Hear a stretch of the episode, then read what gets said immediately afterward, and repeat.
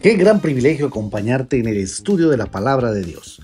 Bienvenido al podcast de la hora silenciosa de Palabra de Vida Guatemala. Descubriremos junto a ti los desafíos que Dios nos dará hoy a través de su palabra. Deseamos que hayas tomado un tiempo para leer con anticipación el pasaje del día de hoy.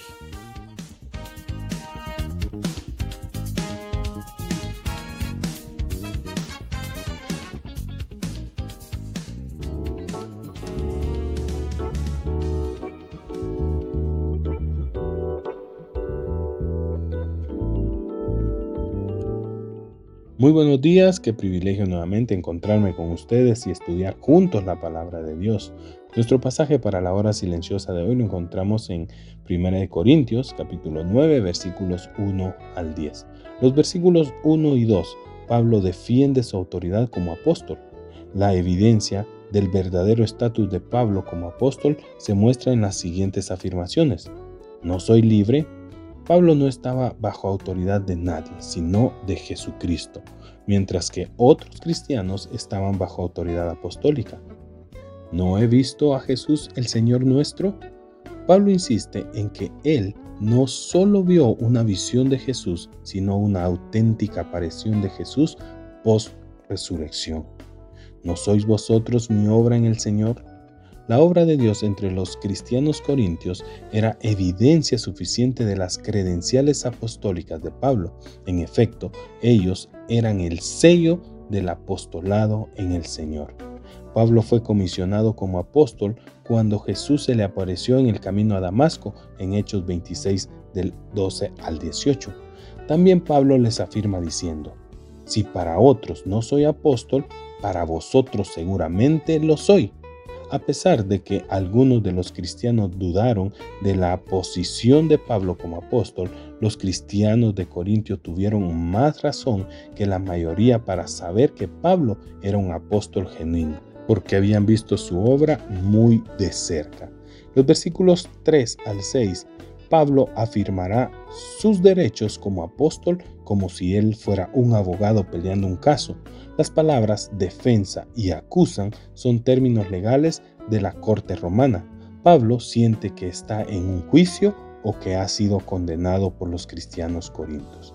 Pablo, al igual que todos los apóstoles, tenía el derecho de comer y beber. No es que los cristianos corintios cuestionaran el derecho de Pablo de comer, pero Pablo quiere decir que él tiene el derecho de comer y beber de las iglesias que él sirve. A los cristianos corintios no les importaría que él tomara una esposa, siempre y cuando ellos no tuvieran que ayudar al apóstol y su esposa.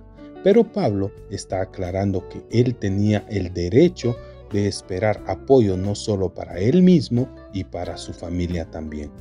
Aparentemente la mayoría de los otros apóstoles estaban casados y sus esposas viajaban con ellos mientras hacían el ministerio.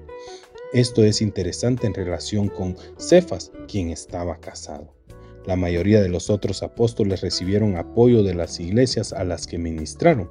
Pablo y Bernabé eran los únicos en este asunto que escogieron trabajar y ayudarse a ellos mismos, así nadie podía acusarlos de predicar por dinero.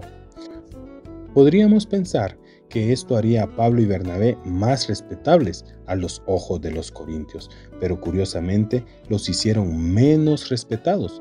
Fue casi como si los corintios dijeran, si Pablo y Bernabé fueran verdaderos apóstoles, nosotros los mantuviéramos, pero ya que no es así, suponemos que no son verdaderos apóstoles. En los versículos 7 al 10 vemos, en un ejército los soldados son apoyados. ¿Quién fue jamás soldado a sus propios gastos? El granjero es alimentado por el campo que trabaja. ¿Quién planta viñas y no come de su fruto? El pastor es sostenido por las ovejas que cuida. ¿O quién apacienta el rebaño y no toma leche del rebaño? Por tanto, no debería parecer extraño a los cristianos corintios que Pablo tenga el derecho de ser sustentado por la gente que él ministra. ¿No dice esto también la ley? El derecho de Pablo también está escrita en la ley mosaica. Él no solo está usando ilustraciones humanas cuando dice, digo esto solo como hombre. En Deuteronomios 25.4 Dios mandó no poner bozal al buey que tría. Esta ley simplemente mandó el trato humano a un animal de trabajo. En aquellos días el grano se separaba de la cáscara haciendo caminar a un buey sobre él varias veces, usualmente en círculo. Sería cruel forzar al buey a caminar en todo el grano y ponerle bozal para que no pudiera comer de él. El principio de Deuteronomio 25.4 es mucho más importante que proveer las necesidades de los bueyes. Dios está apartando el principio de que un ministro tiene el derecho de ser sustentado por la gente que está ministrando. La ley acerca de los bueyes establece un principio que tenía una mayor aplicación.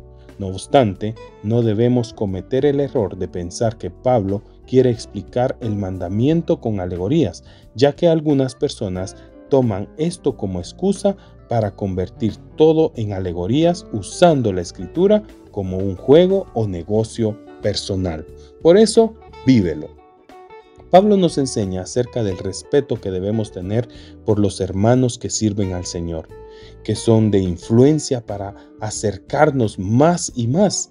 Por eso, hoy te desafío a que te animes a tomar un tiempo para orar por aquellos hermanos que han sido de bendición para tu vida y puedas de alguna manera agradecerles. Y si tienes la oportunidad de suplir alguna necesidad, no tardes en hacerlo.